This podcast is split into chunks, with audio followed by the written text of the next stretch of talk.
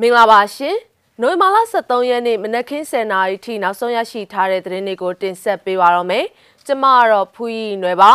။ရန်ကုန်တိုင်းစစ်ဒေသခွဲကုကဲရဲ့အဖွဲ့ရဲ့ပြည်သူတော်လှန်ရေးအင်အားစုတွေကအာဏာသိမ်းစစ်ကောင်စီတပ်ကင်းလှည့်ရင်ငယ်နှစ်စီးကိုပြစ်ခတ်တိုက်ခိုက်ခဲ့ပြီးစစ်သား2ဦးအပြင်းထန်ဒဏ်ရာရရှိသွားတယ်လို့အဲ့ဒီအဖွဲ့ကသတင်းထုတ်ပြန်ပါတယ်။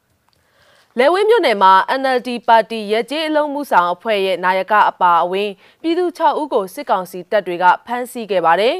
။မီတာကမဆောင်တဲ့မန္တလေးကလုပ်ငန်းအချို့ကိုစစ်ကောင်စီကမီးလိုက်ဖြတ်နေတဲ့သတင်းတွေအပါအဝင်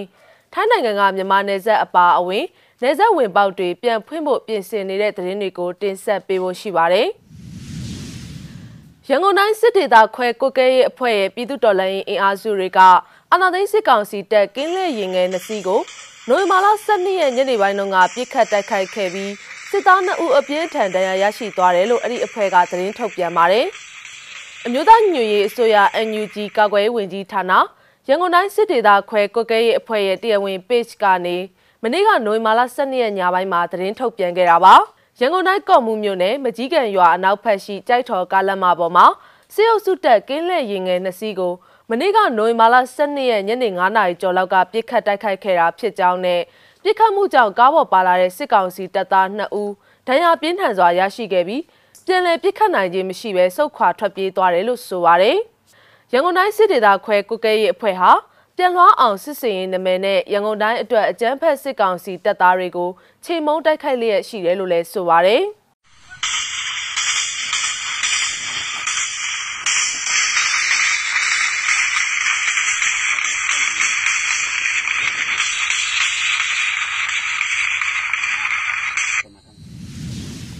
နေပြည်တော်လေဝင်းမြို့နယ်တစ်ပုတ်ပင်ကျေးရွာ NLD ပါတီရဲကြီးအလုံးမှုဆောင်အဖွဲ့ရဲ့နာယကအပါအဝင်ပြည်သူ6ဦးကိုစစ်ကောင်စီတပ်ကဖမ်းဆီးထားတယ်လို့သိရပါဗျ။နိုမာလာ17ရက်နေ့ည12နာရီအချိန်ကစစ်ကောင်စီတပ်ဖွဲ့ဝင်အင်အား20ဝန်းကျင်ဟာတစ်ပုတ်ပင်ကျေးရွာရှိ NLD ပါတီရဲကြီးအလုံးမှုဆောင်အဖွဲ့ရဲ့နာယကဦးလှိုင်စိုးတရင်နဲ့ပြန်ကြားတဲ့တာဝန်ခံကိုဆွေလိုင်ဦးသွေးလူရှင်ပရိုက်တာအသင်းရဲ့ဥက္ကဋ္ဌဦးမြင့်စိုး ကိုချစ်တီးခေါ်ကိုဆွေနိုင်ဦးနဲ့ကိုရွှေတိုးခေါ်ကိုသိန်းတိုးအောင်တို့ကိုသူတို့ရဲ့နေအိမ်တွေမှာပဲဝင်ရောက်ဖမ်းဆီးသွားခဲ့တာပါကိုမင်းမြတ်စိုးကိုတော့မနေ့ကနိုဝင်ဘာလ12ရက်မနက်၈နာရီခွဲအချိန်မှာနယ်မြေကန်ရဲစခန်းကိုခဏလာရောက်ဖြည့်ရှင်းပြီးရင်ဖခင်ဖြစ်သူဦးမြင့်စိုးကိုလွတ်ပေးမယ်လို့လိမ့်လဲခေါ်ဆောင်ပြီးဖမ်းဆီးလိုက်တာဖြစ်ပါတယ်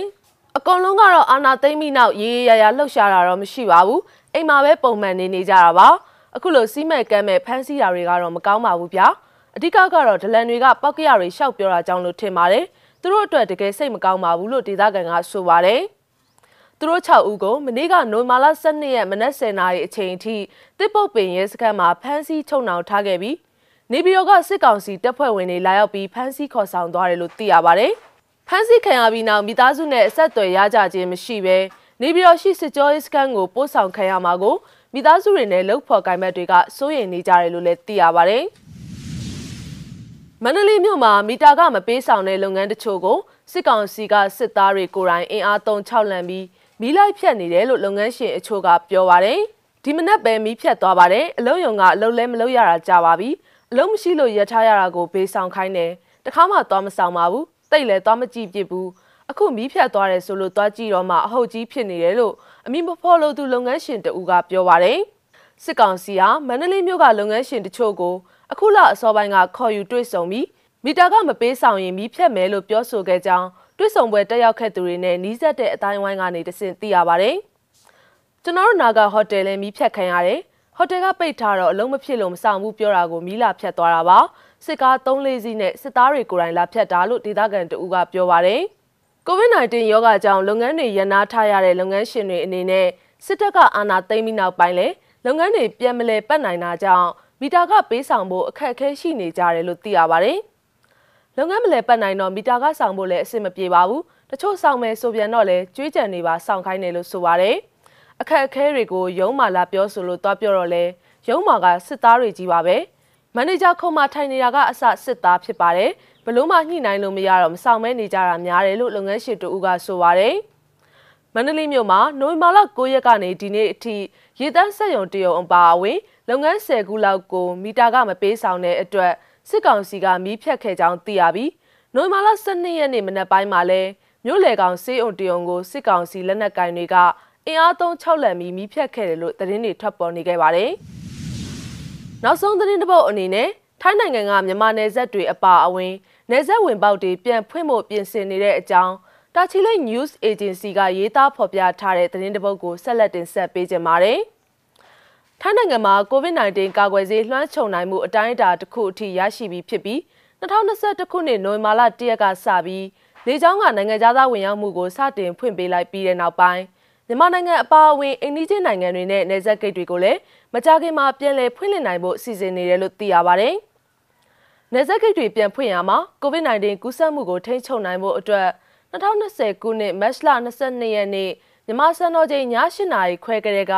ထိုင်းနိုင်ငံဘက်ကပိတ်ထားတဲ့တာချီလိတ်နဲ့မဲဆိုင်အကြားရှိမြန်မာထိုင်းချစ်ကြည်ရေးအမှတ်1ကိုပါပြန်လည်ဖွင့်လှစ်ဖွယ်ရှိတယ်လို့သိရပါတယ်။နိုင်ငံတွင်းရွှေ့ပြောင်းလုပ်သားဥယေ၄သိန်းကျော်လိုအပ်မယ်လို့ထိုင်းလူသမားဝင်ကြီးကခန့်မှန်းထားပြီးအဲ့ဒီလိုအပ်တဲ့လုပ်သားတွေကိုနေဆက်ဝင်ပေါက်တွေကဝင်ခွင့်ပြုခြင်းအပြင်နိုင်ငံတွင်းလုပ်သားလိုအပ်ချက်ဖြည့်ဖို့နဲ့ COVID-19 ထိတ်ချုပ်နိုင်ဖို့အတွက်နိုင်ငံခြားရေးဝန်ကြီးဌာနကိုတင်ပြဆွေးနွေးထားတယ်လို့ 2021ခုနှစ်နိုဝင်ဘာလ9ရက်နေ့ကပြောကြားပါတယ်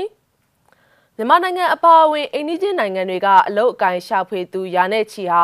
နေ့စဉ်ထိုင်းနိုင်ငံစီနေဆက်ဖြတ်ခိုးဝင်နေမှုတွေကိုထိန်းချုပ်ဖို့နဲ့နေဆက်ဂိတ်ပြန်ဖွင့်နိုင်ရေးစီစဉ်နေတာဖြစ်တယ်လို့သိရပါတယ်။ထိုင်းနိုင်ငံကရွှေ့ပြောင်းလုပ်သားအများအပြား COVID-19 ကာလအတွင်းနေရပြန်သွားတာကြောင့်လုပ်သားလိုအပ်ချက်မြင့်မားနေပြီးအထူးသဖြင့်ပင်လယ်စာထုတ်လုပ်တဲ့လုပ်ငန်းတွေရောဘာထုတ်လုပ်ရေးလုပ်ငန်းတွေ စတဲ့လုပ်ငန်းတွေမှာရွှေ့ပြောင်းလုပ်သားလိုအပ်ချက်မြင့်မားနေတာကြောင့်နေဆက်ဖြတ်ကျော်လှုပ်လာရှာသူအများအပြားဝင်လာနေတာဖြစ်ပါတယ်